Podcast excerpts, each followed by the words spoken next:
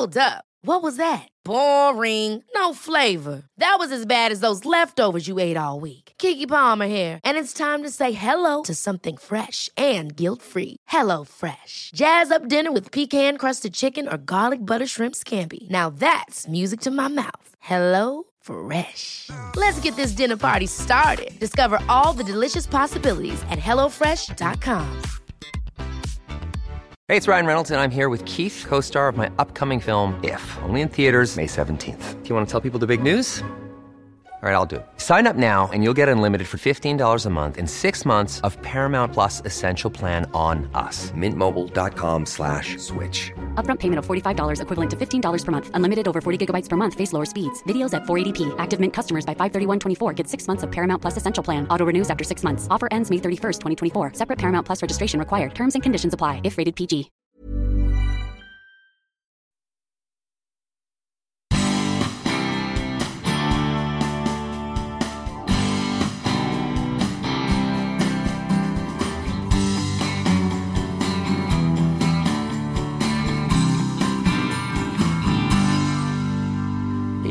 Stradivarius när det gäller att trimma riggen i synnerhet. Va?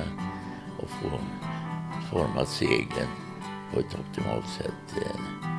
Ja, det, det, den har så mycket som eh, fängslar en själv när man går i en stare och ska sätta upp eh, trimmet på optimalt sätt. Och sen väldigt mycket mindre båtar till Monark Crescent. För eh, deras utombordsmotorer behövde akterspeglar som man sa det på den tiden. Ja, det var ju sent på kvällen, på natten. När prästen kom och ringde på dörren då förstod man ju att det var det omöjliga. Som tioåring blev Pelle Pettersson mästare i lådbilsracing inför 30 000 åskådare i Stockholm. Där startade resan för det som skulle bli en av Sveriges största idrottsmän och kanske Sveriges genom tiderna mest betydelsefulla formgivare. Pelle Pettersson var under en tid i världstoppen i tre seglingsklasser samtidigt och han var nära att vinna VM-guld i två av dem med bara tre veckors mellanrum. Resan som formgivare gick från lådebil till riktig bil i raketfart. Vid 25 års ålder designade han Volvos mest ikoniska bil, sportbilen P1800. Något som Volvo höll hemligt i många år innan man erkände att det faktiskt var en pojk från Göteborg som hade ritat bilen. Peder Pettersson är också känd som konstruktör av en av Sveriges största båtsuccéer, segelbåtarna i Maxi-serien. Men på design-CVt finns mer, oerhört mycket mer. Motorbåtar, segelbåtar, takboxar, trädgårdsredskap, klockor, golfputters och till och med en Stenafärja. Bland annat. Vi pratar också om att bli bra i backhoppning, fiskbilen, satsningen på Amerikas Cup, dagens bilfärger, hur nära bragdguldet han har varit och vad han skulle svara om ett visst möbelföretag skulle ringa honom. Men allt inte bara glatt i Pelles liv. Vi pratar också om att hantera den djupa sorg han upplevt. Att ingen intervjuat Pelle Pettersson de senaste 30 åren är obegripligt för mig. Men nu är väntan över, för här kommer en livslevande legend.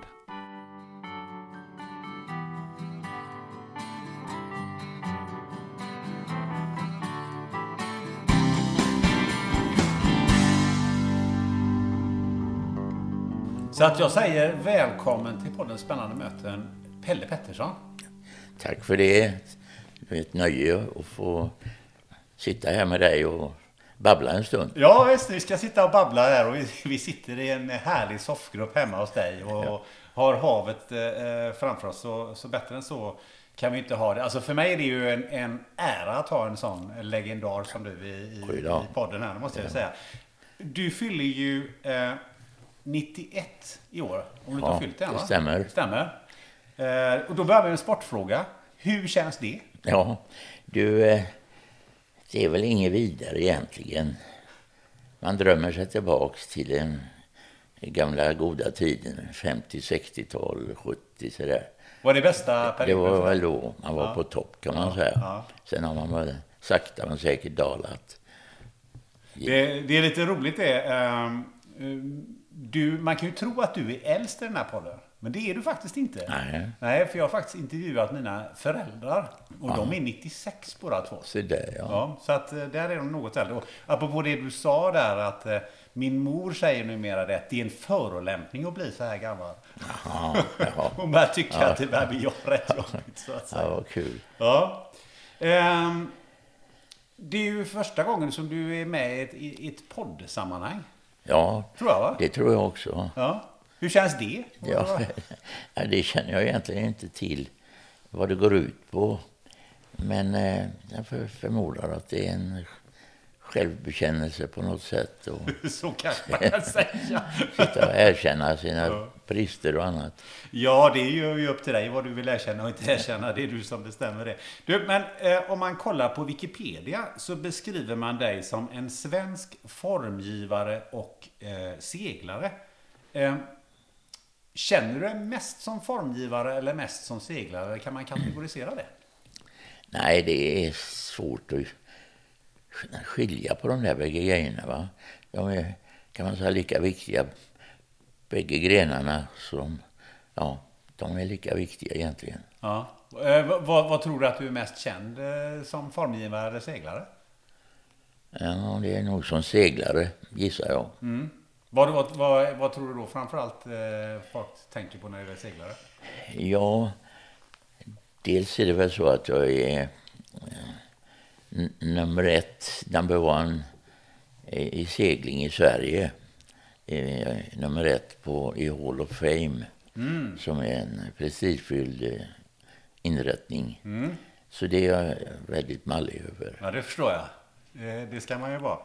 Eh, om, vi, om vi pratar lite formgivning och design. Eh, jag funderar lite på hur, hur började det hela? Alltså när kommer du ihåg att du designade eller formgav någonting för första gången sådär? Ja, min första de- debut när man blev lite mer känd, det handlade då om lådracertävlingar som var väldigt populärt under andra världskriget. Det var jättestora evenemang och grabbar från hela landet eh, eh, slöjdade på sina lådbilar i, i skolan eller hemma i källaren. Eller, det var en jättestor sport. Och den eh, största tävlingen, det var ju en final i Stockholm 1943. Det var eh, ja, grabbar från hela landet var med som sagt. Och eh, Sven Jerring var eh, reporter där. Och man fick ju prata lite med farbror Sven då. Eh, det var en lådbil som jag hade varit med och, och ja, min pappa hade ju hjälpt mig en del naturligtvis. Men den hade jag i stort sett snickrat ihop så det blev en eh, väldigt snygg och fin bil. Den där och eh, sen lyckades jag vinna hela det här stora evenemanget. Sveriges pojkrace Grand Prix. Så eh, det är väl den största minnena jag har från tidiga år när det gäller att formge en bil. Men, eh, det, din far jobbade väl på Volvo? va? Ja, det Fanns det någon eh, fördel i det? Absolut. Eh, Han var ju många sätt min mentor och hjälpte mig med skol, skolor och så jag fick lära mig allt om det här yrket. Eh, industridesigner som det hette, men jag eh, hade ju som huvudämne då transportmedelsdesign. Va? Eh, det var bi- lastbilar och bilar och bussar och tåg och allt vad det var. Så det var väl så det började. Men Står han lite sådär att, eh, är han lite del i din, eh, din seger här? Ja, eh, ja, det kan man säga. Han var ju min idol, som, sagt. Han eh, jobbade med att designa bilar. Han gjorde ju den här Volvo PV 444 eh, mitten på 40-talet. Eh, Så det eh, var ju när man växte upp då och i den miljön. Jag fick ju följa med honom ofta till jobbet eh, och se hur det gick till det här att skapa en bil form i den. Och eh, det var en stor inspirationskälla, verkligen. Jag såg i någon film att det var, liksom, det var SKF-kullager och grejer på den där. Apollodbilen Ja. var det fina hjul som eh, modellsnickarna på Volvo hade hjälpt till med att svarva upp dem där och stoppa i kullager i hjulen så att det rullar på som bara det. Och det var, det var en hygglig publiksport eh, också det där? Ja visst, det var det. Som sagt i Stockholm det var ju 30 000 åskådare där uppe och eh, ja, det var verkligen ett stort evenemang och stort nöje för folk att gå och titta på detta. Det var ju enklare nöjen på den tiden naturligtvis, men det var stort, det var det. Den lådbilen till, till riktiga bilar gick ju via eh, en designskola i New York va? Ja, det stämmer. Ja. Det, eh, det var en skola som min far hade eh, luskat reda på genom sina kontakter då inom bilindustrin i Amerika i synnerhet. Där han ju hade ja, varit och jobbat en hel del. Så att eh, det var genom kontakter som vi blev rekommenderade att placera mig i den här skolan. Pratt Institute som ligger i Brooklyn, New York. Var det någonting alldeles självklart att ja, men där ska vi gå? För, det, för jag tänker att på ja. mitten på 50-talet så var det så här design och formgivning. Mm. Det var knappt ord som var Nej, det stämmer. I alla fall inte i det breda det, det fanns egentligen inget eh, begrepp som täckte in det här. Utan det var som sagt designskolor. Det fanns väl i och för sig i Tyskland någon bra sån här designskola. Men det var i Amerika som man var föregångare när det gällde utbildning och studier till att bli industridesigner. Eh, vad, vad kom det sig att du kände att men det här är mitt intresse, det här vill jag göra? Ja, det beror ju på farsan mycket.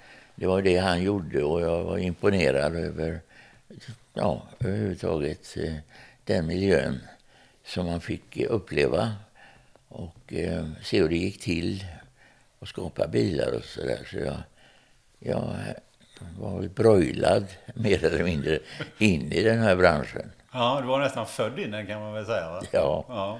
Men du måste ju ändå ha haft ett anlag för att vara duktig på teckning eller något sånt? Ja, det var jag nog. Ja. Eh, det var ju ett av mina viktiga ämnen i skolan då, teckning och slöjd speciellt. Det var väl de bitarna som ja, ledde fram till det här att eh, man skaffar sig en kunskap och känsla för eh, material och former. Hur, hur, var du i andra ämnen i skolan? Något sånär skulle jag vilja påstå. Det, det gick väl hyggligt men jag var väl inget jättebegåvad elev. Vad behövde man för att komma in på den här skolan i, i New York? Ja, jag fick skicka över lite arbetsprover och annat men eh, i stort sett så tror jag det var lättare för dem att anta en eh, utlänning. Det var lite intressant för eh, ja, överhuvudtaget skolans ja, känsla och miljö. Det var inte så mycket svenska där antar jag? Nej, det var inte det. Jag var den enda svensken. Var, var det dyrt att gå på sån här eh, skola? Det var ganska dyrt, det var det. Men jag eh, fick ett stipendium för andra året på skolan av General Motors. Eh, de hade ju instruktörer som undervisade på skolan. Och de tyckte väl att jag behövde en uppmuntran och få hjälp med att betala det andra året på skolan. Så att det var en väldigt fin grej. Men första året fick eh, farsan stå för, eller ja, föräldrarna stå för? han gjorde det. Han gjorde det och det, ja, det var nog inte så billigt. Nej, det förstår jag. Mm. Och sen, i, som bara av bara farten, så, så designade du din första riktiga bil också. P1800. Ja, det, det, det var en, en, saga i och för sig. Ja. Allt, hur det hände och just det här att eh, Eh, när jag gick den här undervisningen i skolan så hade min pappa fått eh, uppdraget av Volvo att eh, vara projektledare för att ta fram en sån här bil. Så han sporrade ju mig med detta och sa att jag kan väl börja fundera lite djupare i hur jag skulle vilja se en sån här bil, hur den ska se ut. Så det var tajmingen var ju helt perfekt. Så han gav dig mer eller mindre uppdraget att göra det? Eller hur gick det, hur gick ja, det till det där sen då? Jo då, vi, han eh, tog fram det underlag som skulle till det vill säga bottenplattan, chassi och de här Volvo-delarna som skulle ingå i underredet eh, för själva karossen. Då. Så eh, jag kunde utgå därifrån och eh, jobba vidare. Och det handlade om att göra små lermodeller och annat och försöka känna mig fram på att få fram eh, de linjer som kändes naturliga för mig och ge den här skapelsen. Hade du någon att bolla? Var det bara farsan du bollade Ja, det kan man säga. Det, det var det väl i stort sett. Men jag hade fria händer och fick jobba med det mesta, in i minsta detalj faktiskt, på bilen. Var det fler än du som eh, höll på att designa på den där eller? Nej. Jag som du tävlade mot eller? Nej, jag hade nog eh, väldigt mycket eh, själv ansvaret för att ta fram den här formen. Men, men, var det alldeles självklart att det var din form som skulle produceras? Eller? Nej, Volvo hade ju eh, sett till att få, få fram flera förslag hur en sån här bil skulle se ut. Och eh, det var då förslag, skisser och rendering som gick till Volvo-ledningen för bedömning. Och så de anonyma de här förslagen. Så Volvo eh, råkade välja den versionen som jag stod bakom. Så att det var ju väldigt smickrande. Som sagt, det var helt anonymt. De visste inte om att det var farsans grabb som hade stått för linjerna där. Så att det, det var väl en liten överraskning för alla direktörerna. Ja, vad, hur, hur togs det emot? Alltså, plötsligt så... Ja, det var ju inte meningen att det skulle bli så. Utan det skulle eh, förstöra imagen av en sån här italiensk designad sportbil. Så eh, det, det dröjde rätt länge innan Volvo tog fram det där att det var jag som var upphovsman till den här bilen och dess former. Så det tog en stund innan jag erkände det. Och, eh, det var i början så att jag var en helt okänd eh, designer. Eh, så eh, det var inte mycket att gå fram med att det var en liten pojk från Göteborg som hade gjort linjerna. Utan eh, det tog bra många år. Och det var lite efter mina framgångar då inom seglingssporten där jag hade skapat eh, ett namn och ett rykte. Så då var det, kom det att bli lite mer anständigt att föra fram mig som upphovsman. Men det måste ju tagit ett bra tag då innan? Ja, det tog rätt många år. Det gjorde det. Men man undrar ju liksom, vad då, eh, varför var det dåligt att det kom någon från... Ja, en kille från Göteborg det, gjorde det? Det skulle störa den där eh, prestigen i designen var att eh, det kändes inte rätt. Eh, det var ju inte några bildesigners som var kända i Göteborg eller Sverige. Utan det skulle vara det här italienska eh, inflytandet som skulle spela den största rollen. Men vad, vad, sa man då? Var det liksom att ja, men det här är en italiensk okänd ja. designer? Eller vad, vad sa ja, nej, man utåt? sa väl inget eh, till att börja med. Men med tiden så smälte det där in i folks medvetande och eh, man tyckte det var ganska intressant eh, att höra om den här eh, utvecklingen, denna berättelsen. Det var en ganska intressant historia. Ja, det är det ju verkligen. Mm. Eh, men var det samma Volvo-ledning som erkände dig eller hade det kommit en ny Volvo-ledning? Ja, nej, det, det har väl eh, flera chefer där. Först Engel och sen var det ju Gyllenhammar som eh, ja, fattade galoppen och tyckte det var helt okej okay det här och jobba fram mitt namn. Hur många tror du idag som känner till att du faktiskt har designat P1800? Ja, jag tror det är ganska många faktiskt. Det nämns i många sammanhang. Och som sagt, eh, bilen och dess former den är, har blivit väldigt uppskattad. Och jag tycker själv att det ger ett väldigt personligt intryck. Jag känner igen mina linjer, som sagt, att det är så jag ville ha det. Ja, det är ju en fantastiskt eh, vacker bil. Ja, det har verkligen blivit eh, välkänd och, eh, ansedd som, ja, som du säger, en tjusig bil. Det fanns ju en serie för de som inte var med på den tiden, men i 60-70-talet som heter Helgonet. Ja, just med. Roger Moore. Han spelade en stor roll. Mm. Det gjorde han eh, i marknadsföringen av bilen. Verkligen. Så då pratades ju mycket om att eh, Roger Moore var han som sålde bilen. Fastän jag var den som hade skapat den. Ja, just det. Han jagade både, både tjuvar och banditer och, och damer ja. i den där. Ja, visst. Har jag förstått. Ja, den blev väldigt känd genom den serien på tv. Du, det kom ju sen lite senare en P1800 ES som var, som var med som en, en, vad ska man säga, en, en vad kan man säga, kombiaktig? Ja. Eller vad ska jag säga? Var du, var du pappa till den också? Nej, det var jag faktiskt inte. Det var, jag uppskattade det inte Jaså? speciellt mycket. Nej. Varför? Nej, jag vet inte. Man tyckte, eller den blev kallad för Fjeskebilen här i Göteborg. Nej, jag uppskattade inte den så värst mycket. Varför fortsatte du inte att jobba med bildesign efter den här bilen? Jo, jag gjorde det lite grann. Jag gjorde en prototyp eh, i Tyskland då, på NSU-verken.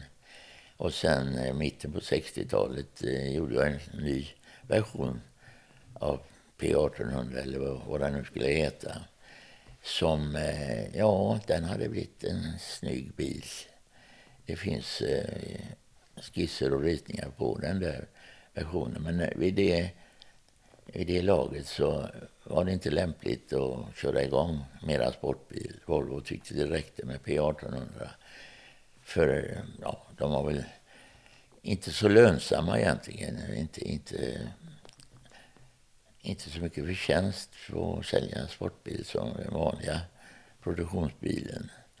Så de tyckte det var bättre att lägga energi på vanliga produktionsbilar. Och det vill inte du rita eller? Eh, ja, de hade ju designstudier då på, på den tiden som skötte de standardbilarna. Ja. Men fanns det inte andra bilmärken som du sa, du sa Tyskland och sådär? Som... Nej, det är väl egentligen bara den där NSU-bilen som kom att bli eh, realiserad då. Nej, det, det, det, eh, seglingen tog över kan man säga. Seglingen tog över. Men innan vi eh, pratar, eh, ska klart vi ska prata segling. Men jag skulle gärna vilja veta, vad, vad tycker du om dagens eh, bildesign? Ja, de är ju lite mera enahanda idag. Nu med de moderna hjälpmedlen där, datorer, så ja, datorerna talar ju om mycket hur en bil ska se ut och fungera. Så det, datorerna styr väldigt mycket formgivningen. Och det gör väl det att de blir ganska likartade i formen, de flesta bilarna i, idag. Ja, de ser väldigt lika ut. Eh, Ja. Särskilt om man tittar på de nya elbilarna så är det väldigt många som ser väldigt Ja, det- lika ut. Så är det onekligen.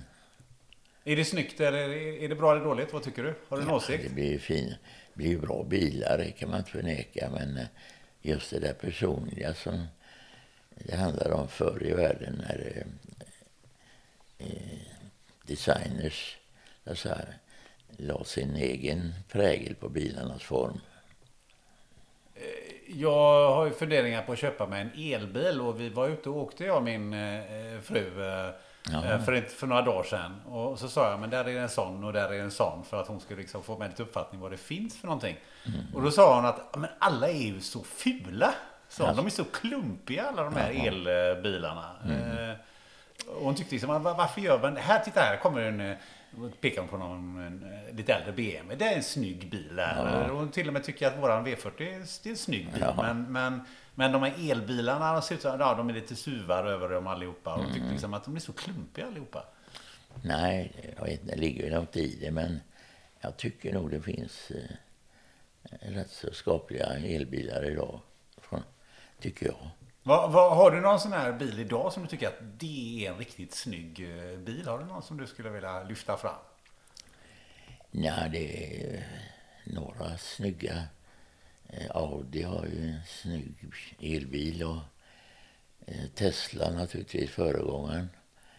De har ju både fula och snygga modeller.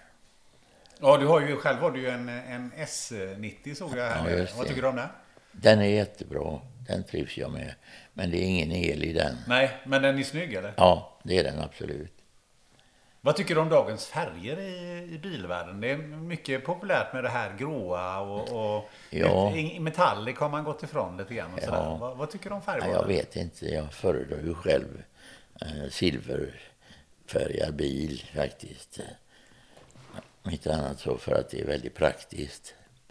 Eh, damm och lite sånt där det stör inte så mycket som om man har en svart bil eller annat. Då får man jobba lite mer på att hålla den ren och snygg. Ja, det är ju praktiskt med, med, med en bra färg på, Ja. på bilen så man Ja, slipper hålla på och städa den hela tiden. Det tycker jag. Du, ehm, jag tänkte eh, sticka emellan med... Alla vet ju att du är känd för, för segling. Det är klart vi ska prata segling. Men backhoppning och slalom, det är du Ja. inte lika känd för. Ja, det kommer sig mycket av att eh, familjen bodde i Norge före andra världskriget. Och där kom jag att älska det här med snö och eh, utförsåkning, men i synnerhet backhoppning som jag gick in för väldigt mycket. Eh, det jag var ju inte så bra i våra trakter i Göteborg med backhoppning, men det, det förekom. Men det gjorde att jag fick resa mycket längre norrut i Värmland och Dalsland, men i synnerhet Norge där jag var och hoppade rätt flitigt och var på träningsläger där. Och ja, ja, det var en sport som jag verkligen gillade och gick in för ordentligt. Var du aldrig rädd? Ja, det kan nog hända att det var lite på gränsen ibland när man kom upp i lite större backar. Men eh, nej, det får man inte vara om man ska hoppa backe. Va- Vad är den största backen du har hoppat i? Ja, det var ju inte så stora backar på den tiden, men en 70 meters backe är väl det längsta jag hoppar i. Det är ju ganska... Det är nog en ganska bra höjd på den. Jo då, det är det. Det var det i alla fall. Ja, det är ju lite norsk eh, nationalsport. Alla Eh, norrmän ska ju... Ja, det, det, är väl, det är väl det. Att jag hade en morfar som var bussig och ställde upp och hjälpte mig att bygga ba- backar och hopp och sådär. Så att, ja, mycket tack vare honom som ja, hängde i och försökte bli så bra som möjligt. Men det är karriären, den backhopparkarriären tog slut någonstans. Ja, det, eh, efter junioråldern så, ja, jag var 20 år, 20, 22 kanske när jag slutade med det där. För att eh, det var, ja, det var ju möjligheterna att bli någon större stjärna, de var inte så stora. Varför det? Jag vet inte, du. vet inte riktigt. Man hade det väl inte i sig riktigt. Nej. Och slalom eh, hade du också? Ja, jo, det blev ju också en hel del utförsåkning som jag håller på med än idag och trivs väldigt bra med. Som sagt, skidor överhuvudtaget är, är något jag gillar jättemycket, även på längden. Så det det bästa resultatet jag har gjort på längden var att jag erhöll en medalj i Vasaloppet. Jaha, okej, du har varit med i Vasaloppet då? Ja. Vad, vad, är, är, det, är det en medalj som alla får som är deltagare eller är det Nej, det är en medalj som innebär att du måste klara eh, en sluttid som är inom 50 procent av eh, segrarens tid. Va? Aha. Så om han eh, vinner på sju timmar, eller vinner han på fem timmar så ska du vara under sju och en halv Ah, för att få en medalj. Och vad blev din... Hur fort gick det Ja, det gick sju och en halv. Ah, eh, hade jag och han hade väl lite över fem timmar då det. som gjorde det möjligt att få en sån här medalj.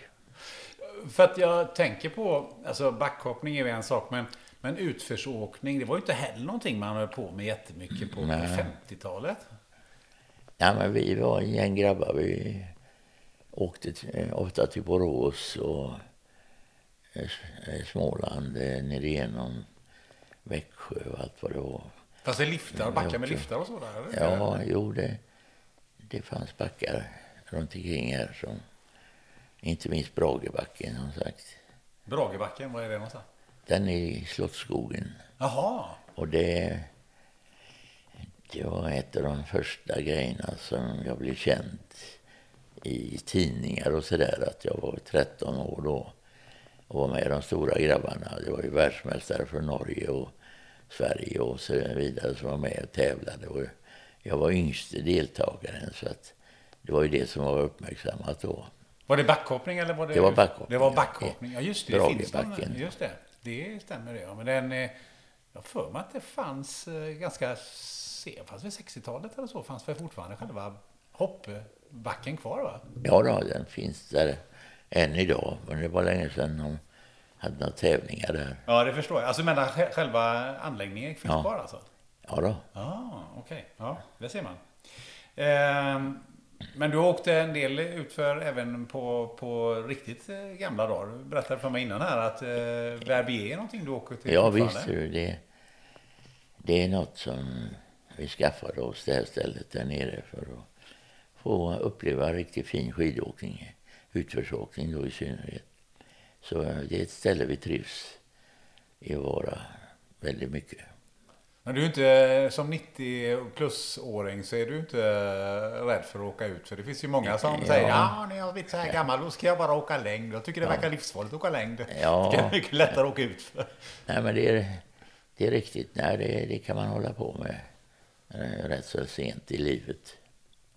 Där är du aldrig heller rädd för att bryta benen eller något sånt där. Nej, jag har väl haft några knäskador, men i övrigt har det gått ganska bra. Eh, om vi pratar lite eh, segling då. Eh, hur, hur, började, hur började seglingskarriären? Det började i och med att eh, familjen hyrde ett som, sommarnöje här i Kullavik 1945 först. Då. Så eh, då eh, var det ner till viken här, till hamnen och eh, försöka följa med några något äldre grabbarna ut och segla i deras eh, enkla farkoster och jullar och, och eker och allt vad det heter. det hette. Det var enkla flytetyg, men eh, man lärde sig det här med att kajka omkring och hur vinden betedde sig och hur båten skulle styras för att ta sig framåt, helt enkelt. Vad var så att säga första kappsegling? Vad, var det för båt? Det var, jag fick följa med en något äldre kille i en stjärnbåt. Stjärn, stjärnbåt var den juniorbåten som var all eh, var det viktigaste va, att vara med och segla stjärnbåt. Så det var eh, ivrigt seglande. Det var kappseglingar i alla vikarna här i, från Gottskär och upp till Stenungsund kanske. Det var Särö och Budskär och eh, Kullavik var ju viktigt. Eh, och Billdal och Långedrag, Kösse och öarna ut igenom. Så att eh, det var tävlingar stup i kvarten. Vad, hur, eh, hur kom det sig att du fastnade för, för seglingen? Ja, det var väl att eh, dels att det var alla kompisar höll på med. Vi hade ett kul ihop och att det gick bra hjälpte väl till också att man blev inspirerad ytterligare att eh, ja, lära sig så mycket som möjligt man kunde för kappsegling, alla regler och sånt där. Vad, vad det sig, tror du, att, eh, att det gick bra från början för dig som i, i, i att segla? Vad, vad, vad hade du som, som krävdes för att bli bra i segling? Ja, jag tror man fick en viss känsla för vind och vatten eh, som var avgörande. Och kunna känna sin båt när den verkligen eh, när det nappade, som jag brukar säga, när det verkligen stämde trimmet på båten och seglen och så vidare. Eh, då, då trivdes man jättebra. Är det, är det sån här magkänsla? Ja, det tror jag man kan kalla det. Att det är en känsla man har i sig att ja, nu, nu är det rätt. Nu är inställningen helt rätt. Nu kör vi på. Vad har det att göra med? Har du, har du bra balanssinne eller liksom sådana där grejer? Finns det något ja, annat där som du... Det hör väl till tror jag. Man får känna balansen på båten. Helt enkelt. Det ligger nog i det hela. Jag har ju sett, eh, om man går på land så har jag ju sett eh, folk som är, sätter sig i en, i en bil på en racerbana eller en go-kart. Mm. Och bara kör väldigt mycket fortare än vad jag och andra försöker. Ja. Och de är inga, inga racerförare, men de blir någonting i det kroppen som de ja. känner. Eh, är det likadant för Ja, det tror jag är snarlikt faktiskt. Att man känner när det går fort? Ja. Du, eh, eh, det här tävlandet, eh, det tog mer och mer överhanden eh, vad jag förstår på, i segling? Ja, det, det gjorde det du. Jag tyckte om det här och, och eh, rita båtar eh, och speciellt den här starbåten då som jag försökte förbättra på inom de ramar som finns eh, för, för de olika klasserna. Va? Så att eh, det var så det började, min känsla för att justera linjerna för att optimera, optimera farten i båten. Det var något jag ägnade mig åt jättemycket. Att göra linjeritningar och så här, fila på linjerna eh, varje årgång som man hade nya erfarenheter som man la in i, i eh, nya tankar och idéer om hur man ska få till linjerna optimalt på båtskrov. Det var väl det som jag tyckte så jättemycket om att pyssla med. Var det mycket experimenterande? Eh, ja, det kan man nog säga. Eller hur gjorde du? Det är mycket placeringar och kölar och riggen, masten och så vidare. Balansen där mellan de här eh, komponenterna. Eh, det är ju den man vill optimera då och få fram så bra som möjligt. Men gick du från eh, stjärnbåt direkt till, till den här starbåten ja, då? det gjorde jag faktiskt. Så, eh, och det gjorde ju att man kom ut eh, runt om i världen Eh, på större evenemang, VM och eh, olympiader och annat som eh, kom efterhand.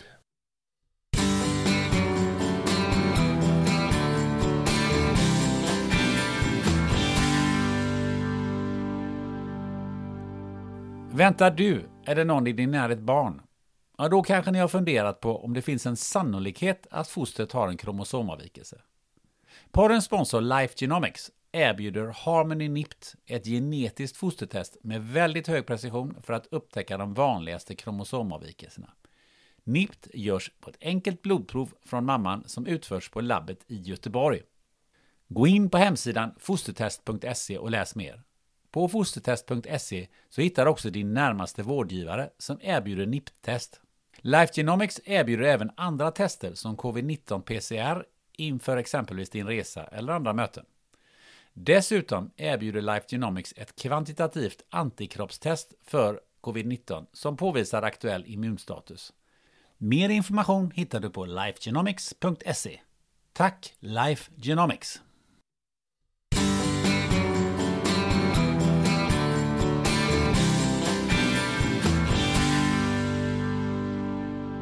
Hur stor var den här klassen i Ja, det var, på 60-70-talet kan man säga. Det var världens eh, mest ansedda klass. Va? Det är den båt som de flesta idag som betraktas som legendarer och annat ägnade sig åt. Och alla samlades i den här värsta klassen när det gäller konkurrens. eh, det var väl det som var tjusningen att få umgås med dessa legendarer som sagt. Det var det som var tjusningen. Eh, för, för de som inte vet hur en starbåt ser ut, ni får, ni får googla upp det, eh, ni som lyssnar på det här, och eh, eh se hur den, eh, hur den är, är skapad. Det jag funderar på är ju, hur kunde det vara en sån eh, kla, eftertraktad klass? Den har ju inte en spinnaker. Nej. Nej, det, det, är väl för att det är tillräckligt mycket trim och eh, meka med i en sån för att optimera farten på båten. Eh, den har en viss tjusning. Det är väl min älsklingsklass, måste jag erkänna. Eh, den har allt eh, som en sån här kappseglingsbåt ska ha, tycker jag. Vad, vad ska en kappseglingsbåt ha då?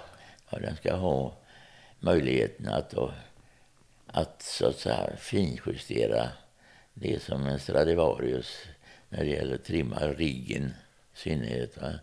Och få format seglen på ett optimalt sätt. Eh, ja, det, det, den har så mycket som eh, fängslar en själv när man går i en stare och ska sätta upp eh, trimmet på optimalt sätt. Ja, det, det är något alldeles speciellt. För.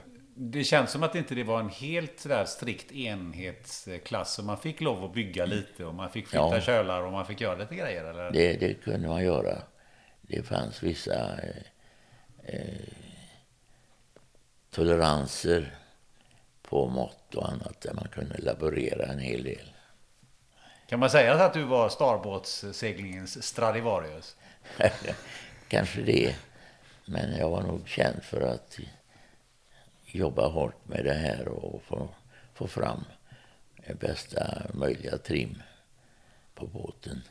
Vad är, vad är din mest eh, minnesvärda tävling, tycker du själv, i starbåt? Du har ju några stycken att välja på. Ja, men eh, det absolut största eh, för mig, det var när jag vann VM i starbåt i San Diego i Amerika. Det var en helt otrolig upplevelse. I synnerhet efter målgången då, efter sista racet när det var klart att jag hade vunnit.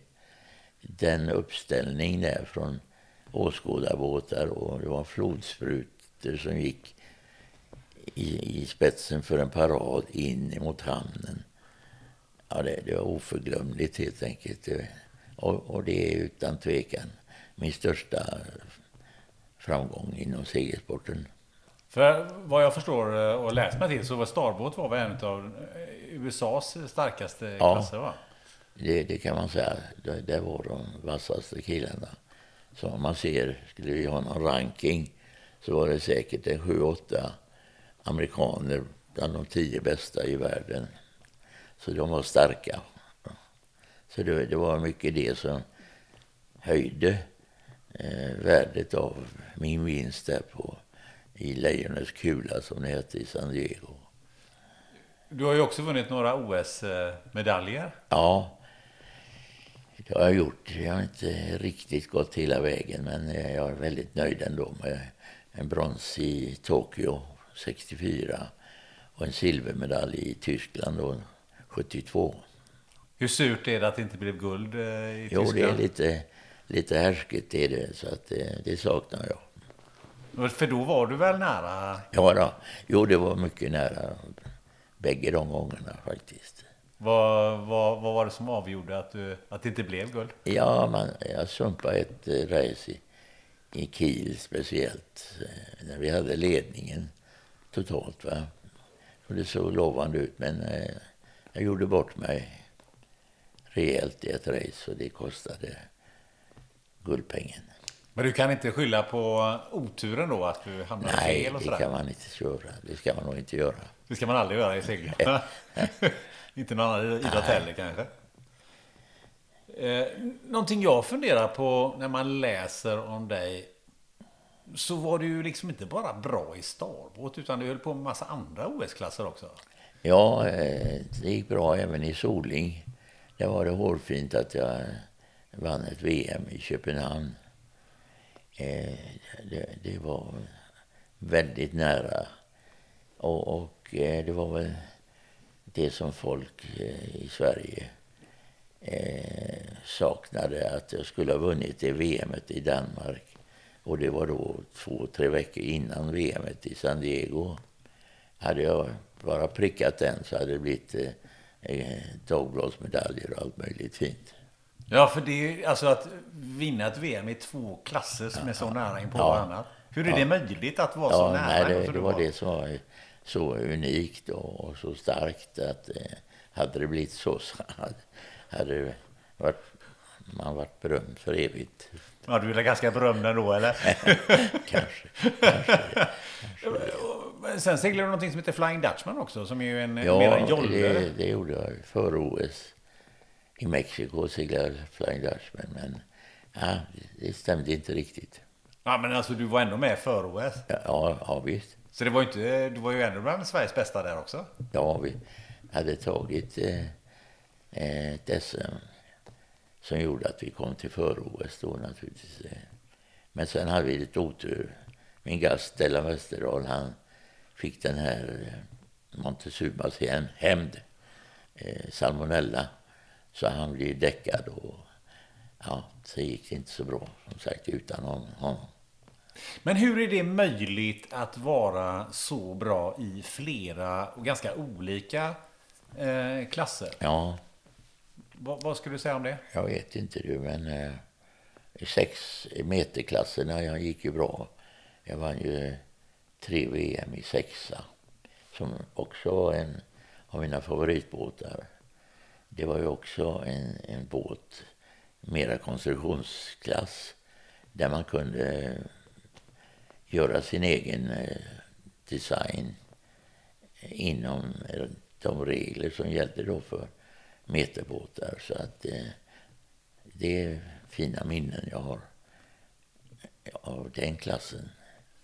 Och som sagt mycket annat. Skulle man, vad tror du idag? Eh, är, det, är det möjligt att vara så som du var på den tiden? Att man ska kunna vara så bra i olika segelklasser? Hur, hur, vad tror du?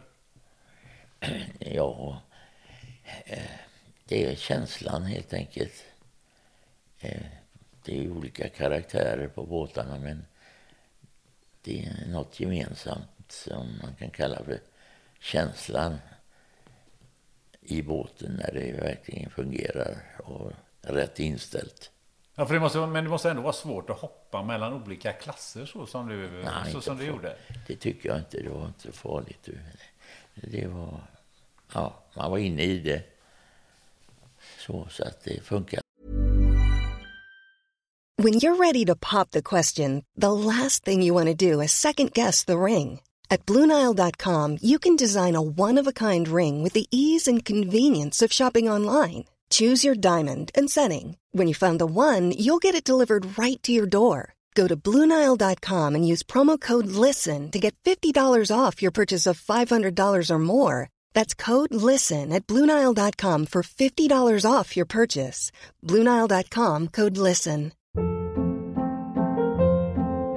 Hold up. What was that? Boring. No flavor. That was as bad as those leftovers you ate all week. Kiki Palmer here, and it's time to say hello to something fresh and guilt free. Hello, Fresh. Jazz up dinner with pecan crusted chicken or garlic butter shrimp scampi. Now that's music to my mouth. Hello? Fresh. Let's get this dinner party started. Discover all the delicious possibilities at HelloFresh.com.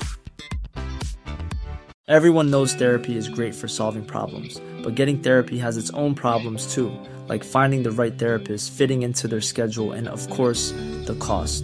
Well, BetterHelp can solve those problems. It's totally online and built around your schedule. It's surprisingly affordable too.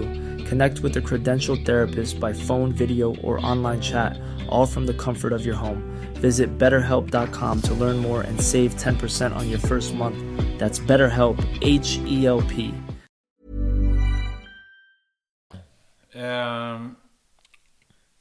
men tror du att idag Finns det något exempel på det idag? Att, att det finns seglare som, som kan, kan, kan hoppa mellan klasserna? Så har ja, du något exempel på det? Det gör det alltid, får man nog säga. Även om de väldigt extrema klasserna idag eh, är så speciella. Men i många fall så är det seglare killar som behärskar alla de olika flytetygen. De har förmåga att göra det. Någonting som man kan se eh, på, på, på dagens kappseglingsbåtar det är ju att eh, dina riktiga fartvidunder jämfört med det som Ja, du det- seglade. Ja, det är det. Det är något helt annat. De här flygande skroven då som ska inte nudda vattnet helst utan gå på sina bärplan. Så att det, det är en jävla skillnad. Verkligen. De har hjälm har jag sett eh, på Jajamän. OS och så här. Ja, Det är lite annan sport. ja, och en helt annan fart på de där. Vet du. De gör ju upp mot 50 knop. Så det är lite annat. Men kan du, när du sitter i soffan så där och kan, kan du liksom längta så att fan det hade varit gött att, att vara ung igen och segla en sån båt? Ja, jo visst är det så. Det måste jag erkänna. För man, man, blir ju lite, eh, ja, man blir lite imponerad att de är, vad duktiga de är. Ja, absolut. Det är de verkligen. Med dem, att göra de manövrarna i de farterna som, Ja. som det är. Jag har sett på OS, eh, de här eh, Precis. eh, flerskrovsbåtarna, jag inte ihåg vad de heter. Eh, de är oerhört eh, skickliga. Nej, utvecklingen har varit eh, väldigt stor när det gäller båt, typen av båtar. Eh, du har ju redan varit inne på det att eh, du ritade olika typer av båtar och några stycken var du kappseglade du själv med. Men sen kom ju någonting som hette Maxi. Ja, Som du, som du ritade. Hur, hur, vad, är, vad är bakgrunden till Maxi? det var helt enkelt eh, det att det behövdes eh, kapital, pengar för att kunna ägna mig åt den här internationella seglingen. Det var inte billigt. så att eh, Tanken med Maxi det var att få fram en, en mjölkkossa helt enkelt. Som en enkel, produktionsvänlig och eh, attraktiv eh, familjebåt som såldes som bara det. Och eh, det gjorde det möjligt att få ihop ekonomin så man kunde fortsätta utvecklas i, när det gäller internationell kappsegling. Men vad var mjölkkossan i det? Var du, var du med och tillverkade den? Eller liksom, hur, hur fungerar det där? Nej, det var ju de pengar som behövdes för att få fram, eller få ihop de bästa grejerna. Eh, förutom båten så är det all utrustning som ska till. Och det var sådana pengar som jag behövde för att kunna hålla igång skutan. De här Maxi-båtarna, vad, hade, fick du ett uppdrag av någon att rita dem? Eller vad, vad var grunden? Nej, det var helt egna idéer då. Som sagt, behovet av pengar som gjorde att eh, det gällde att få fram en produkt som kunde generera de här pengarna som behövdes. Men någon ska ju tillverka den. Tillverkade du den Gjorde ni Ja. det själva? Eller hur, hur gick det till? Vi hade, jag och två kompisar, vi hade ju ett bolag då som hade fabriker lite här och där. Det var rätt stora antal som skulle ut. Så att, eh, ja, vi lyckades bra med det och båtarna såldes fint och som sagt, ekonomin kom i ordning. Vad tänkte du när du eh, ritade den här båten? Vad var så att säga din vision? Ja, det var väl mycket man tänkte på sig själv och sin familj och vad man kunde behöva för att kunna ha en semestersegling längs kusten eh, och bo något sådär bekvämt. Fanns inte sådana båtar? Nej, det fanns egentligen inte sådana båtar. Inga riktiga familjebåtar som var eh, ja, prisvärda och möjliga att förvärva för seglingsintresserad familj. Vad var priset på den tiden? För det var Maxi 77 vet Ja, jag, det va? var väl eh, 25-26 000 för en Maxi 77 i början då. Sen gällde det ju att följa upp det hela och så kom Maxi 95 som var lite större då för eh, ännu bekvämare semestersegling för en familj. Vad hade du räknat med för mottagande av den där båten innan du visade den? Ja, eh, det var ju en båt som eh, formmässigt skilde sig lite grann från eh, det som var gängse på den tiden. Och den fick ju många tillmälen som en flytande container eller annat. Så att det, den var ju inte betraktad som särskilt vacker. Men om man ser en 77 idag så är den helt okej okay, tycker jag. Den ser riktigt trevlig ut. Att eh, folk vänjer sig. Det är trender när det gäller sånt där. Men det var rätt många som gillade den också va? Ja visst du. Den såldes som bara den.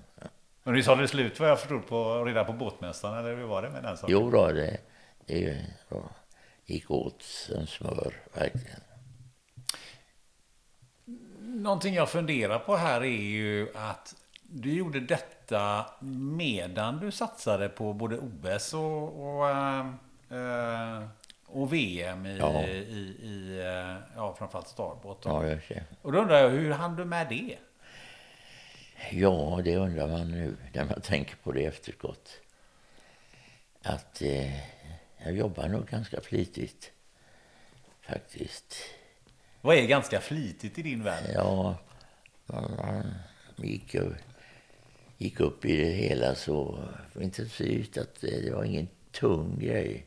Utan det flöt på automatiskt faktiskt, det här jobbandet och seglandet. Det gick bra tycker jag, att kombinera faktiskt. Hade du tid att sova någonting? Eller? Det var liksom... ja, jo då, det, det var det alltså. Så märkvärdigt var det inte.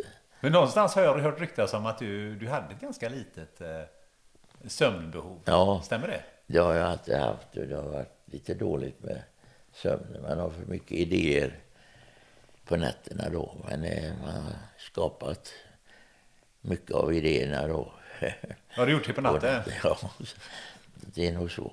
Hur gick det till? Gick du liksom upp där mitt på natten och kom på en idé och så ja, började du rita? Eller vad gjorde du? Ja, det hände nog faktiskt att man gjorde så. Att man eh, fixerade sig vid en viss tanke, viss storlek på båt och utseende och eh, utrymmesmässigt, allting sånt där. Så att, eh, ja, det, idéer växte fram både på dag och natt, som sagt. Hur mycket, hur mycket sov du i snitt? Har du någon koll på det? Nej, men det var väl inte så mycket. Nej, det var en, en, nog ändå en sex, sju timmar tror jag. Alltså det var så pass? Ja, ändå. det var det. För det var någon som sa, ja, men han sov inte mer än tre, fyra timmar. Så. Nej, så märkvärdigt var det inte. du, var, maxibåtar var ju en sak, men du designade en del andra båtar också? Ja, då, det var ju mycket motorbåtar. Nimbus bland annat. Eh, och sen väldigt mycket mindre båtar till Monark Crescent. För eh, deras utombordsmotorer behövde akterspeglar som man sa det på den tiden. Motor, motorerna behövde akterspeglar?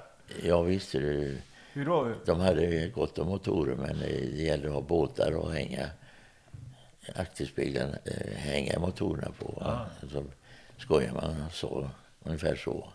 Måste ha några skrov också för att hänga motorerna på. Så att de sa så här, vi har en motor, får man vänlig rita en, ja. rita en, en ja. båt? Ungefär så, ja. ja. Eh, du har ju även designat några större båtar, har jag förstått. Ja, stora, det va? största jag har gjort, det var en Stena-färja. På bortemot 200 meter. Så att det, eh, det är det största. Vad designar du alltihopa då? Även inne? Nej, nej, nej, absolut inte. Ja, en del på layouten invändigt, eh, passagerarutrymmen och annat. Eh, men framför allt är det ju eh, för bilar och lastbilar och containrar. Eh, var en eh, som skulle gå i Irländska sjön, var meningen. Stena hade beställt designen av mig då. Blev det någon? Den blev tillverkad? Nej, den blev aldrig riktigt. Ännu inte i alla fall. Man vet inte, den kanske kommer. Var det Stena Olsson själv som kom till dig och sa att... Nej, det var, var en av hans chefskonstruktörer faktiskt. Bad mig hjälpa dem. Vad, vad, vad tänkte du då? Jag menar, du har designat eh, Ja, ju- akterspeglar för motorer. Sen kommer det stenar väldigt smickrande och väldigt intressant jobb. Man fick göra många färjeturer och förstå eh, vad det är man pysslar med, vad man ville förbättra och snygga till lite grann. Så där. Så, ja, det var ett jättekul jobb. Ja, det förstår jag. Eh, en annat seglingsäventyr eh, var ju Amerikas Cup. Ja, det är en stor grej verkligen. Förklara först, vad är Amerikas Cup för de som inte vet? Det är väl, eh, kan man säga, toppen inom seglingsvärlden. Så är det just Amerikas Cup. Det är det mest eh, prestigefyllda evenemanget som finns. Eh, Är det, det är väl också världens, något av världens äldsta segling? Ja, visst du, det är mycket tradition bakom det hela. Och New York Yacht Club hade ju vunnit den där pokalen i England eh, 1851 tror jag då. Hade de erövrat den pokalen och sen satte de upp den i Amerika då under alla år. Eh, att utmana eh, England och Frankrike och Kanada och alla andra länder eh, om eh, möjligheten att erövra den, ta den från Amerika till något annat land. Och det höll ju i sig ända till 1983 lyckades australiensarna att vinna den pokalen. Så det är typ över hundra år? Ja, visste du. Så att, eh, ja, det var en stor grej när den försvann från Amerika. Men det gjorde den inte med, med någon av dina båtar? Nej, tyvärr, vi kom inte hela vägen. Du. Hur, ser en sån, hur såg en sån satsning ut? Ja, vi hade ju blygsamma budgetar på vår tid. 8-10 miljoner svenska kronor. Och ja, det var ju vad vi kunde förmå för att få ihop något sån här hygglig satsning. Men om man jämför det med idag när det går på en miljard kanske, En miljard? ja, svenska kronor att göra en utmaning för att vinna Amerikas Cup. Så det är så, så oändligt stora pengar det gäller idag. Hur började det där då? Var det du som kom på det här att men nu, Amerikas Cup ska vi utmana om? Eller var det någon annan som Eh, Ja, det? nej, det var väl lite självförvållat det där att eh, man hade lyckats vinna eh, ja, VM i Stare och eh, några OS-medaljer som gjorde att eh, ja, kammen växte och då sökte man ju efter vad som är det värsta inom sporten som man kan tänka sig försöka vara med i. Så det var så det började och det var ju tack vare att företaget eh, med Maxibåtarna och allt det där, det löpte på bra. Och eh, ja, vi fick ett anseende, jag och mina kompisar, att eh, vi var dugliga företagsledare och så vidare. Att, eh, och vi är lite kaxiga då naturligtvis. Så att, eh, vi fick eh, ganska god hjälp och sponsring från stora företag som Volvo och S, SEB, banken och ja, Mölnlycke. Det var många stora företag som var pigga på att hoppa på där och hjälpa oss ekonomiskt få ihop det här. Var det svårt att få ihop alla pengarna? Eller? Det, det, det gick ganska hyggligt. hade, du, hade det blivit bättre om du hade fått dubbelt så mycket pengar? Eh, ja, kanske det hade gått lite bättre, men jag tror vi gjorde det så gott vi kunde med våra medel. Ehm, hur, hur gick den här tävlingen till för er? Vad, hur, vad, är, det, är det regatta eller vad är det? Eh, ja, det är väl som en fotbollsturnering eller annat. Det är ju runder först då bland utmanare. Vi var väl fyra utmanare på vår tid på de bägge satsningar vi gjorde. Och då har man eh, flera tävlingar mot den andra för att slå ut eh, allt eftersom. Alltså man kom till semifinal och eh, för att komma upp till den verkliga Amerika Cup-seglingen så behövde man vinna utmanarnas final. Eh, vi eh, missade det 77. kom vi till ut, semifinal, ja. Och sen har vi utmanarfinalen 1980. Så det, vi kom så långt som till utmanarfinal. Men inte hela vägen då. Att få segla mot Amerika. Det lyckades vi aldrig med. Vad, vad berodde det på? Var det materialet eller vad, Ja, liksom, hur skulle du vilja... Det, det var nära race och eh, det var jämna seglingar. Vi var hårfint nära eh, att vinna 1980 eh, när vi ledde ända in till sista kryssen och sprack där tyvärr. Så det var nära. Men längre än så gick det inte. Hur surt var det? Ja, det var surt. Det var riktigt surt. Ja, det förstår jag. Eh, efter det så har det väl inte gjorts några Amerikas Cup-satsningar? Nå, jag har ju varit med lite grann. Dels var jag engagerad av italienarna 1983. Och eh, eh, ska jag säga, 87 var jag också med och eh, var designkonsult för ett amerikanskt gäng. Så eh, jag var engagerad eh, några gånger efter våra äventyr. Eh, Men sen har man ju som sagt följt det på avstånd mera. Varit på de olika ställena och sett det hela. Men eh, som sagt, mer än så har det inte blivit. Vilka är det som är regerande mästare nu? Är det USA igen eller? Nu är det Nya Zeeländarna som har pokalen. Ehm, du sa en miljard. Är det, är det rimligt att vi någon gång från Sverige kommer att göra en utmaning i i Amerikas Cup? Jag tror inte det, men eh, Stenbeck eh, satsade ju rätt kraftigt ett par gånger. För att avrunda det här med Amerikas Cup. När, när du ser de tävlingarna, eller det, det de gör. Är det också lite, precis som när det är de här lite lättare båtarna på OS, så rycker det lite grann i... Ja, lite grann, men det är inte så jättemycket egentligen. För det är inga, de båtarna idag man tävlar i Amerikas Cup, de ser inte likadana ut som, som när ni tävlar då? Nej, det är stor skillnad. Det är det. Vad är skillnaden? Ja, det är att eh, farterna är helt andra. Vi Det är helt hade- andra båtar va? Ja, det är det. Våra båtar, 12 metrarna bland annat, de gjorde väl en 11-12 knop. Och de nya gör ju 50. Vad har man för båtar då? De ser, det, det är katamaraner eller vad är det Ja. man seglar? Katamaraner är väl det vanligaste nu, senare tid.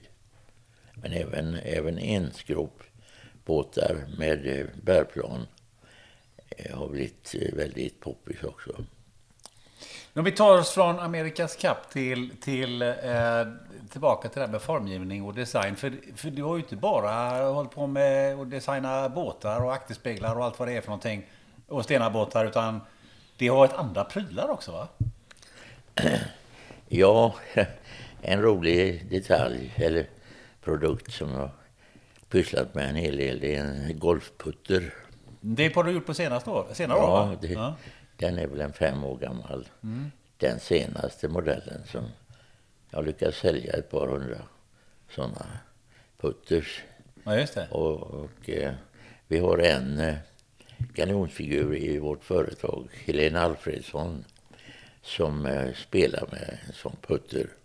Hon har vunnit två eh, Masters-segrar i Amerika med den putten. Så hon är riktigt nöjd. nöjd. Ja, det förstår jag. jag vi har ju en stående här vid, eh, vid, i närheten av eh, soffan. Det får vi ta och titta lite närmare på sen. Ja. Eh, Men det är ett par, ett par hundra, det är ju ganska, Ja, ganska bra det. Ja, det är det. Skapligt. Ja, Skapligt ja. Men du, du har designat en del andra eh, grejer också innan du eh, designade den här golfputten. Jag har läst mig till. Det har varit både gräsklippare och Ja, klockor och det jo, det var ju det. Sådana grejer man designar mest över 60-70-talet då. eh, motordrivna redskap. Motorsågar, gräsklippare, ja, vad, vad, man nu kan hitta på. Det var motordrivet. Men eh, det var det som var de viktigaste jobben jag hade då. Vad är det som har drivit dig att, att hela tiden designa även andra saker? Finns det någonting i att, att du tar ens grej och så säger du ja, här finns det förbättringspotential? Eller vad, liksom, vad, vad är det som har gjort att du liksom har kommit ut ja. egen lust så att säga? Många av just sådana prylar, Jag har kommit från företagare som har kommit till mig och bett mig eh, för att snygga till eh, något redskap. Som sagt, det kan vara en motorsåg eller något annat, gräsklippare och utombordsmotorer. Sådana där motordrivna grejer som skulle ha ett skal, en ny form på exteriören så att säga. Det är väl det mesta jag har pysslat med. Kan du gå omkring sådär och så säga men den där var ju inte så snygg. Den där skulle vi kunna rita så här istället. Och så ja, går du hem och rita lite eller hur, hur, ja, hur är det där? Ja, nej men eh, det var väl att en hel del sådana grejer. Biltaksboxar, alltså skidboxar och sånt. Det är ju en hel del prylar där som jag har gjort genom åren. Kan du gå omkring även nu sådär så säga, men den där, den skulle man ju rita sådär istället eller sådär. Kan du liksom... Ja, det är väl inte så, men eh, man tycker det är kul på att titta på eh, bilarna på, som kommer flygande på vägarna och så ser jag en takbox, där är den och tack för den. Det blir lite så. Ja, just det. Någonting jag funderar på. Du har inga syskon? Nej, eh, jag hade en syster tidigare. Eh, men hon är borta. Och eh, sen eh, hade jag en son som också gick bort för en, det är nog en tio år sedan nu. Ja. Men syrran, var det, gick hon bort tidigt eller var det, var det någon som ja, växte upp med? Hon var väl 60 år ungefär. Ah, okay. Ja, okej. Men ni, du, så att ni var två barn så att säga när du var ja. ung hemma? Så. Vad, vad gjorde, vad, vad jobbade hon med? Eller var var hon från? Hon, hon? Ja, hon jobbade som sekreterare mest på, på den tiden hon jobbade. Du sa att din son, eh, du har en son som, som gick bort för, för ja. tio år sedan. Vad, vad var det som hände där? Då? Det var ju tragiskt. Ja, han var här uppe i gymnastiksalen på Kullaviksskolan och spelade innebandy. När han helt plötsligt bara föll ihop och hjärtat slutade slå. Bara sådär, det var plötslig hjärtstopp? Ja, det var, var? hjärtmuskelinflammation som var orsaken. Ja, han hade en inflammation ja, som han inte visste om då kanske? Nej, han kanske hade vissa aningar men nej, det här slog ju till oväntat. Ja, hur, hur, eh, hur fick du veta att det hade hänt? Ja, det var ju sent på kvällen, på natten. När prästen kom och ringde på dörren och förstod man ju att det var det omöjliga ja. som hade hänt. Vad, vad, hur, hur var den tiden eh, efter det? Jo, den var ju jobbig, vilket den är fortsatt även idag. Vad är det? Någonting som har drabbat en. Som, eh, ja, en stor saknad helt enkelt. Jag hade behövt honom nu. Ja. Hur, hur ofta tänker du på honom? Väldigt ofta blir det. Jag vet inte om det är på gott eller ont, men vi har honom på vår sån där laptop skärmsläckaren. Varför undrar du? Varför säger de det på gott eller ont? Ja, det skapar ju minnen som är både positiva och naturligtvis negativa. Det växlar däremellan. Va? Vad som kunde ha varit som inte blev. Vad är, det, vad är det du särskilt saknar i, idag hos honom? Ja, eh, mycket med båtar och hanterandet av våra båtar. Han var en väldigt duktig seglare. Så han har varit till god hjälp. Han, eh, han var lite eh, din arvtagare inom segling. Det kan man gott säga. Han hade väldigt goda anlag och hade många egna meriter. Vinster i matchracing i synnerhet. Och många SM. Och, ja, han, han var duktig. Ja. Någonting som någon har eh, sagt vid något tillfälle har jag hört att, att när en sån där sak händer att man, att man förlorar en, eh, sitt barn så att säga. Eh, eh, när man, någon ställer frågan liksom eh, Ja, vad är, du, vad är du rädd för och sådär. Men jag, säger, jag, är inte, jag är inte rädd för någonting för det värsta har redan hänt. Ja, så är det. Eh, Kan du relatera till det också? Eller? Ja, nej men det värsta har hänt, ja. Hur, hur, hur, eh, hur hanterade du det? ja. Eller hur hanterar du det idag så att säga? Eh, Man försöker stå ut med de goda tankarna i synnerhet.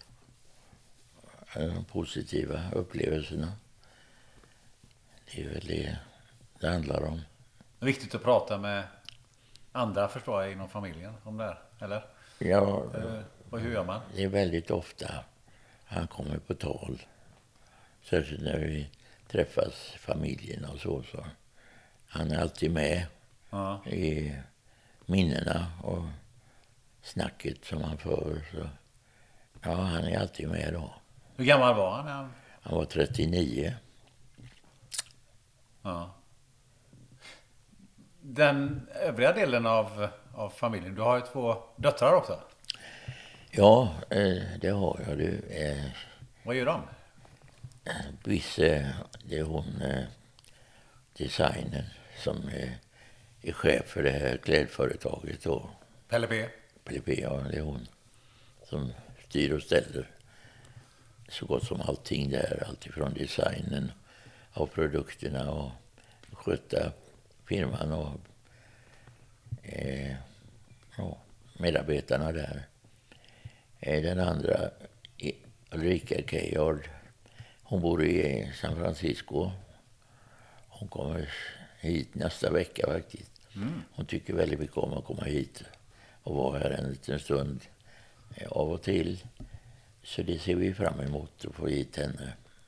Keyyo, det låter som Ja. om man är lite insatt i segling. eh, Det stämmer ju, varit, ja. jag har ju varit som sagt så när jag var lite yngre nej. så var jag lite mer nördig i segling. Så, så Ja. det är ju ett namn som är intressant. Jo då, han har väl ännu mera känd eh, internationellt sett än vad jag kanske är. Men eh, väldigt känd och väldigt skicklig seglare. Och han, Seglade han eh, Amerikas Cup också? ja, seglat Amerikas Cup och eh, han har även vunnit VM i starbåt. Så han är, han är i klass med dig helt enkelt? Ja, så det delar vi. Ja. Jo då, eh, Och det är den vägen som de har träffats förstår jag också? ja precis så är det. Ja. Eh, någonting man, man, man också tänker på kanske, eh, inte vara så engagerad i eh, att, att designa och, och segla och sådär. Hur, hur, hur gick det att balansera med, med familjelivet och sådär? Det var ju påfrestande ganska mycket då. När man låg ute på långa turnéer, seglingar här på det här och där, runt om i jorden. Ibland var ju Irene med, som väl var, så att hon fick uppleva en del av det. Eh, resandet runt jorden och uppleva intressanta platser. Så eh, det har varit både och kan man säga. Hur mycket fick du uppleva av dina barn när de var små? Ja, lite för lite. Eh, borde ha varit mer umgänge med barnen då kanske. Men ja, det fungerade i alla fall. Ja. Det blev folk av dem också. Om man säger så. Jajamän. Ja, det får man verkligen säga. Du, du, du, du nämnde att din ena dotter då är, är styr och ställer med Pelle P. Hur mycket är du med och styr och ställer i, i det? Nej, där har jag inte så mycket att säga till om. Du. Det är Cecilia som sköter väldigt eh, utmärkt. Eh, ja, jag kanske är lite, har synpunkter på funktionen eh, på vissa grejer och färger och sådär som jag gärna vill se lite mer av. Men det, det, det har ju ändå ditt namn så att säga. Ja. Men du lägger dig inte i så mycket? Nej, det, det gör jag faktiskt inte. Eller är det hon som kommer till dig och säger vad tycker du om det här för? Ja, det händer väl någon gång, men inte ofta. Det är oftare du ändå säger till att eh, du, den där grejen, varför, hur tänkte du där? Ja. Eller? Nej, jag vågar nog inte. Ja, så vad händer då? jag vågar nog inte säga till för mycket. Hon sköter det där utmärkt. Om vi börjar sammanfatta lite. Eh, vi har ju suttit här nästan eh, två timmar. Eh, om du ser tillbaka på ditt liv och, mycket av det som vi har pratat om här. Vad, vad, vilka grejer är det du känner dig som att den riktigt största stoltheten över? Ja du.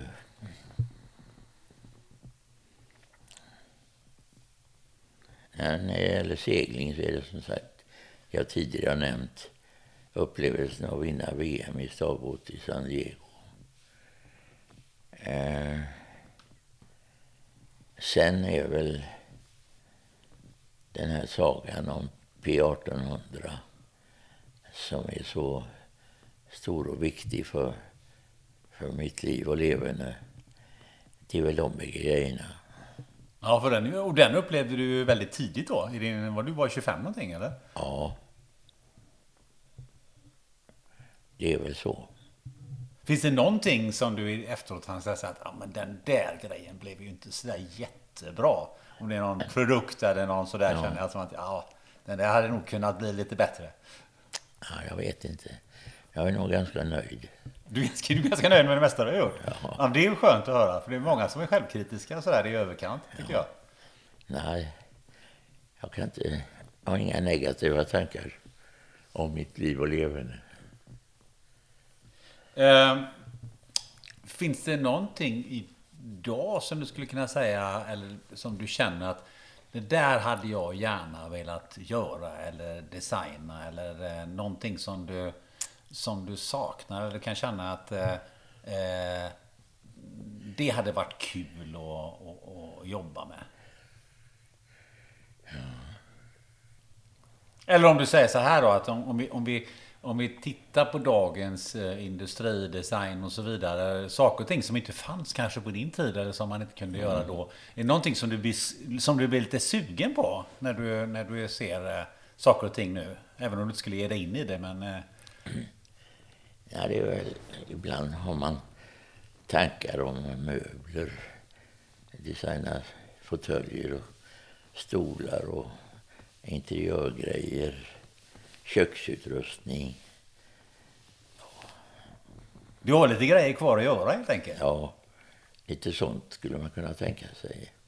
Men nu om, om Ikea, någon från Ikea lyssnar på det här och säger till Pelle, alltså Nästa, en, en, vi har en stol här som, det hade ju varit eh, kul om du ville designa den. Vad, vad, vad skulle du säga då? Ja, det hade, hade jag nog tyckt kunde vara kul att få ställa upp på. Det hade varit grymt häftigt. Ja. Eller? Ja. ja? Det hade blivit en storsäljare på Ikea. En Pelle, P. Ja, Pelle Pettersson-stol. Kanske det.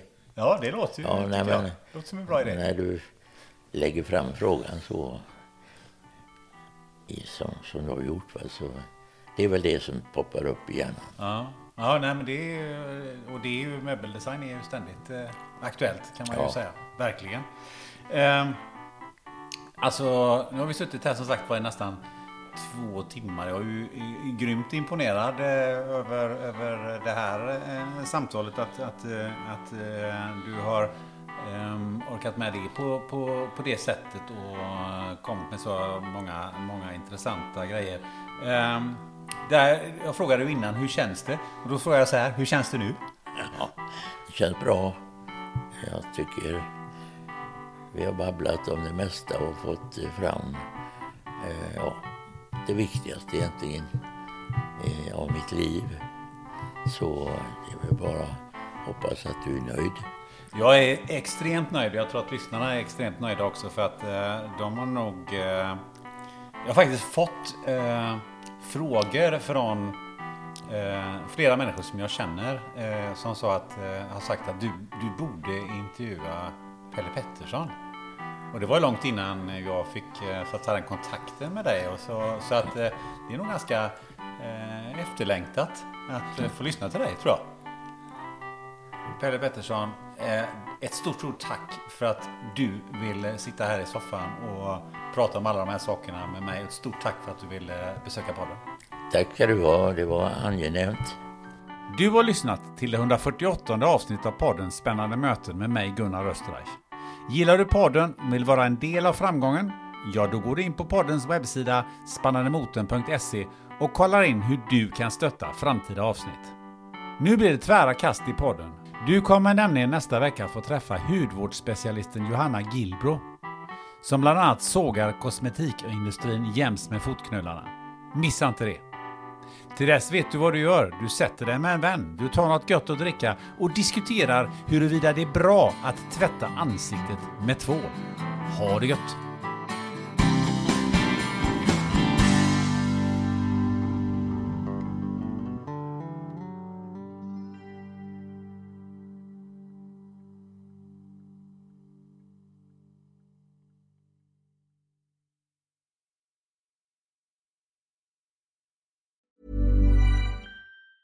Hey, it's Danny Pellegrino from Everything Iconic. Ready to upgrade your style game without blowing your budget? Check out Quince. They've got all the good stuff shirts and polos, activewear, and fine leather goods, all at 50 to 80% less than other high end brands.